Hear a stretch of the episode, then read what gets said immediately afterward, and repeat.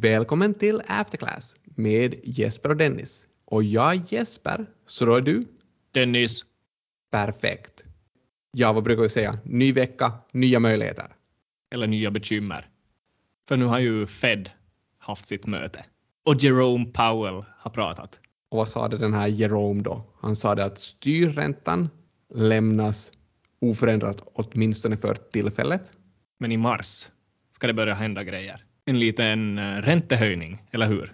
Ja, han pratade om en räntehöjning på 0,5 procent på den här så kallade styrräntan då i USA. Eller som proffsen säger, 50 punkter. Ja, det är väl nog bara amatörer som pratar om procent. Det ska vara basis points. Och hur man omvandlar de här är det ju på så sätt att en räntepunkt är 0,01 procent. Så 50 räntepunkter är 0,5 procent. Så en höjning lovade den gode Jerome och sen så sa han också att man kommer att minska på eller till och med avsluta de här tillgångsköpen i mars också. Så allt var i linje med förväntningarna så kunde då kanske aktiemarknaden andas ut. Ja, först var väl nog reaktionen lite positiv till vad som sades under den här officiella tillställningen. Men sen blev det ju lite presstillfälle också, rum för frågor. Och eh, Jerome var väl och sa lite någonting sån här att det finns ju också rum för fler räntehöjningar nu framöver. Så... Och det här lilla hökaktiga uttalandet ledde då till att aktiemarknaden igen började gå neråt. Ja, det blev väl lite svettningar för att officiellt ligger väl siffran ännu på tre sådana här höjningar. Men om jag förstår det rätt, mellan raderna står det kanske att det ska vara fler än tre. Så du sa det, det här hökaktigt. Varifrån kommer den termen egentligen? Mindre stimulanser betyder en mer hökaktig finanspolitik. Och det är just det här hur högaktig relativt till hur duaktig Fed kommer att vara som har orsakat de här stora svängningarna som vi har sett på börsen de här senaste veckorna. Så högaktigt beteende, räntorna går upp. Duvaktigt beteende, räntorna går ner. Ja, men det är väl kanske den lättaste förklaringen. Hökarna attackerar, duvorna är mer fredliga. Kanske vi förstår det här nu. Hur som helst, det har ju varit lite svängningar både runt det här samtalet, inte det här afterclass-samtalet, eller delvis det också förstås, men främst det här Fed-samtalet och eh, på marknaden så där överlag inför det här mötet. Jo, så det är både börsen som svänger, alltså hela index, men vi har också sett väldigt stora svängningar på specifika bolag. Förra veckan pratade vi om Netflix, så de rapporterade ju samtidigt som vi släppte förra veckans avsnitt på fredag. Och där så kom det ju fram att tillväxten inte riktigt nådde upp till de här förväntningarna. Och då bestraffades man som Netflix-aktieägare med en snäll minus 20 procent, vilket i princip raderade ut två års uppgång. Så nu är man tillbaka på nivåer som man inte har sett sedan före covid-19, alltså nivåer i pris på Netflix-aktien. Det är de facto ganska brutalt. Jag pratade lite med, med Bill här. Så vilken Bill? Ja, Ackman. Ackman. Goda vänner, goda vänner, förstår jag. Vad hade han att säga då? Ja, de har, har, har nu, den här hans, hans hedgefond, de har köpt äh, lite mer än 3,1 miljoner aktier av Netflix, säger han. Han sa lite så här att han har länge, länge gillat det här som Reed Hastings håller på med äh, som, som vd för det här företaget. Ja. Och han har byggt någonting fantastiskt och det, det vill han investera i. Har inte någon sagt att Netflix har två vdar? Ja, det är sant. Det finns ju också en sån här andra vd, Ted Sarandos.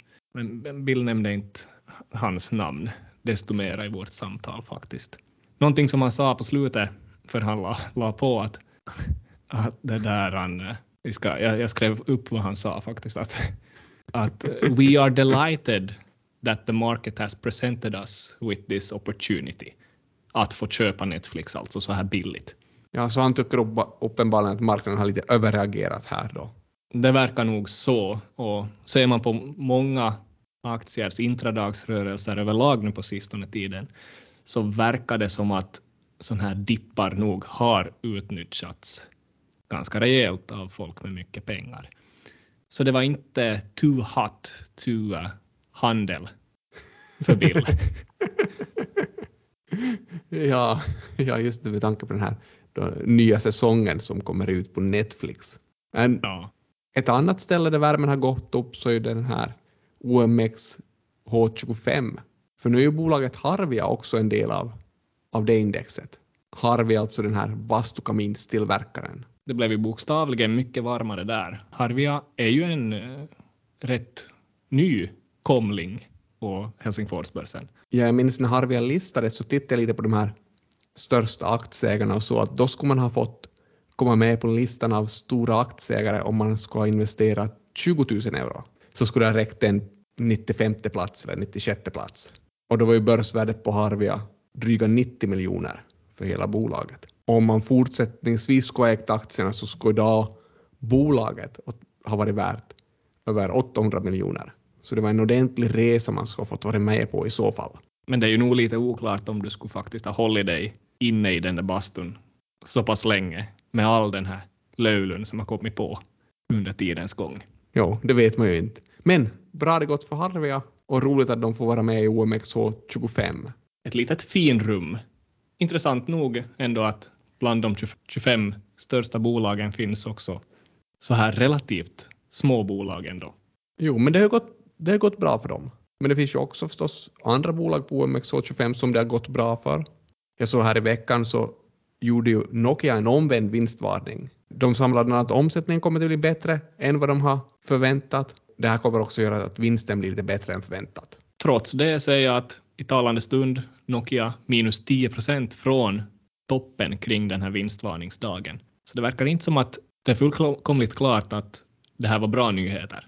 Ja, man funderar ju där att det är ju det där bra nyheter från bolaget, men det kan ju ha hänt andra saker som det här Feds högaktiga beteende då, som gör att marknaden överlag har gått ner. Andra bolag som har kommit med vinstvarningar var ju det här Oriola som vi följer med.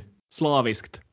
Ja, från början var det ju lite mer skräckblandad förtjusning, men det verkar ju som att det börjar vända lite för Oriola, för de kom också med en vinstvarning, som sagt, positiv sådan. Resultatet blir 26 miljoner på rörelsenivå mot då förväntade 21. Så kanske Elisa har fått skutan att vända. Ja, men de får ändå inte vara med i OMXH25. Äh, ah, men kanske kom de lite närmare. Det var 10 procent upp när de kom med den här omvända vinstvarningen.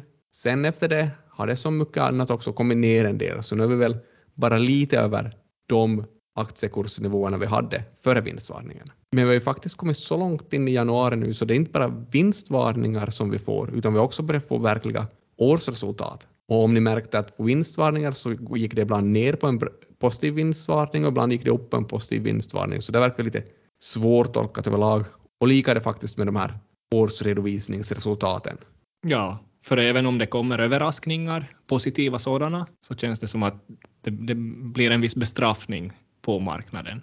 UPM exempelvis, fin rapport för 2021, omsättningen upp 14 procent, rörelseresultat upp 55 procent. Och så kommer det slag på fingrarna och minus 7 procent som respons. Ja, det här är ett mönster vi har sett på flera bolag. Vi hade liknande situation på Microsoft tidigare i veckan som också slog förväntningarna, men ändå gick aktien ner en 6 procent ungefär på den här rapportdagen. Så marknaden verkar väldigt svårflörtad för tillfället. Ja, nästan lika svårflörtad som när den här legendariske Steven Elop var VD för Nokia back in the day. Ja, då tyckte inte marknaden att Nokia gjorde mycket rätt. Nej, så om det är utmanande att vara ett börsbolag för tillfället så måste det ju nästan vara ännu mer utmanande att försöka komma sig in på börsen i det här läget. Ja, det skulle man ju tycka. Jag vet inte, är det nog mycket börslistningar på gång just nu? Det pratas inte så mycket om det, men det sjuder under ytan. Ser man på Sverige, vad tror du till exempel om ett, ett sånt här case? Ett tillväxtbolag, hög procentuell omsättningstillväxt, eh, visar dock förlust, väldigt, väldigt aggressiva med förvärv, som är lite sådana här hawkish gällande förvärv. Vad skulle du tro om någonting sånt börslistades? Ett litet bolag också. Måste jag säga att det är väl just sådana här bolag som börsen älskade i fjol 2021, men som börsen är lite mer skeptiska till i år 2022. Men, men dra ditt case eller berätta lite mer om det här bolaget. Alltså det, det jag tänker på så är det här Lyckegård bolaget. Svenskt företag, grundat 2008, håller på med sån här hållbart lantbruk. Så lite ESG-poäng där? Absolut, det är nästan enbart ESG-poäng här hela tiden. Den gröna vågen, de ska ge kompetent rådgivning och skapar redskap för mekanisk ogräsbekämpning. De säger själva att, att de är en katalysator som hjälper lantbrukarna att få effektivitet och lönsamhet i produktion. Men man kan ju fundera på deras egna siffror kanske också. För det är ju inte riktigt lönsamt, måste man säga. Så vad har vi att bjuda på här då? Vi kan ta 2020, det här bolaget, 12,9 miljoner omsättning som slutar på ett minustecken på sista raden, 2,7 miljoner kronor. Så det är ganska små summor också. Men du sa ju att det växer ganska kraftigt, ser lite bättre ut för de här första nio månaderna på 2021. Ja, vi har ju inte, vi har ju inte det här hela året 2021, men 2021 visar 33 miljoner kronor för tillfället, så det är ju en ganska extrem tillväxt. Men man bör notera här att, att det är ett annat svenskt företag som har förvärvats i mars 2021, så kallat eh, Gotia Redskap och Ekoväxt, som nu har döpts om till Lyckegård Produktion AB. Och den här vdn han säger att vi är tacksamma över att ha förvärvat det här bolaget och förväntar oss att förvärvet kommer att bidra till en stor del av vår tillväxt i framtiden. Och det är väl lite no shit-varning på det där eftersom Gotia Redskap och Ekoväxt bidrar med 18,7 miljoner kronor i omsättning 2020 och det är ju alltså mer än omsättningen för det här original Lyckegård. Att, vad betalar man då för, för det här hela bolaget? Så vad får det här bolaget Lyckegård för börsvärde nu vid den här introduktionen? Med den här teckningskursen så kan jag notera att teckningsintervallet är just nu, sista teckningsdag 3 februari, 92 miljoner kronor siktar man på om allting går som planerat. Så det är med betoning på litet bolag här alltså. 9,2 miljoner euro då ungefär. Men ser det här bolaget överlag bra ut eller har vi någon, har vi någon bedömning av det som vi har gjort? Eller som du har gjort? Nej, det finns kanske det finns nog några saker man kan notera att, att då före det här Gotia redskap och ekoväxt kom in så fanns där tre anställda. Så det känns ju som ett ganska litet bolag nu faktiskt. 16 procent av pengarna som ska in kommer att gå direkt vidare i diverse listningskostnader och sen har man något så kallat brygglån som ska betalas tillbaks. Är du bekant med det här brygglånet? Nej, jag vet faktiskt inte vad ett brygglån är. Det är väl någon, om man har köpt sån här kaffebryggare för många och så har man bara tre anställda. Någonting sånt. Men, men eh, den här styrelseordförande, han har varit med i två konkurser riktigt här på under covid-tiden, så det är lite lik i garderoben, hökaktig i förvärvsstrategin som sagt. Eh, de har också förvärvat saker i Finland, till exempel en sån här rättighet att, att sälja en kultivator med namn Quickfin. Okej, så det börjar strax låta lite mer intressant det här då, om det har lite Finlandskoppling, för det är ju kvalitet här som vi skapar i Finland. Ja, det är lite, lite jordnära det här. Alltså det är lite en elegant sån här kultivator det här, som helt enkelt gör att man behöver inte använda så mycket bekämpningsmedel, eller inga bekämpningsmedel alls, eftersom åkrar, där finns det mycket ogräs normalt sett. Men den här kultivatorn då skär av rötterna på ogräset, bearbetar jorden lite och lyfter upp rötterna på åkerns yta. Och det är då genom att lyfta upp de här rötterna som man då dödar det här ogräset? Yes, rötterna kastas upp i luften, landar sen på marken utan jord på sig, så att de helt enkelt torkar bort och dör. Det låter ju väldigt bra för miljön. Man behöver inte bespruta så mycket. Eller någonting alls, som sagt. Så den delen låter ju helt suveränt. Så kanske till och med den här quickfin-delen skulle vara värt en ganska stor del av det här 9,2 miljoner euro. Så om börsvärdet kommer ner lite här i början, så vem vet vad, vad det finns för möjligheter här. Ja, men lite, lite orosmoln. Jag har lynchat lite kring det här bolaget också och kommit fram till att man inte har så bra kunskap inhouse för att sköta konstruktion, det vill säga design och ritning av de här redskapen man ska sälja.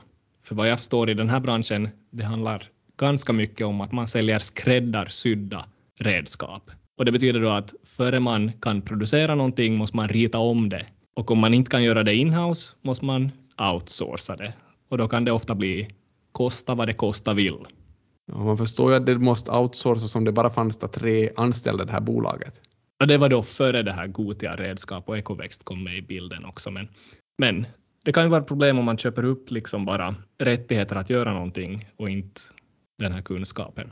Ett annat bevis på det här, att, att den här kunskapen inte skulle riktigt finnas på plats, är att, att vad jag förstår, om man tar en sån här kultivator då, så det är en ganska komplex ritning vi har att göra med här. Och det tar ganska länge att, att göra ändringar, så då låter det väl som bäst att man bara skulle göra ändring på ett ställe så skulle det helt enkelt spegla sig på ett annat ställe. Så den här kultivatorn är på så sätt symmetrisk, att den ser lika ut på båda sidorna? Ja, så kan du tänka dig. Så att i ditt ritprogram skulle du helst av allt göra det så att du bara behöver göra ändringen på ett ställe.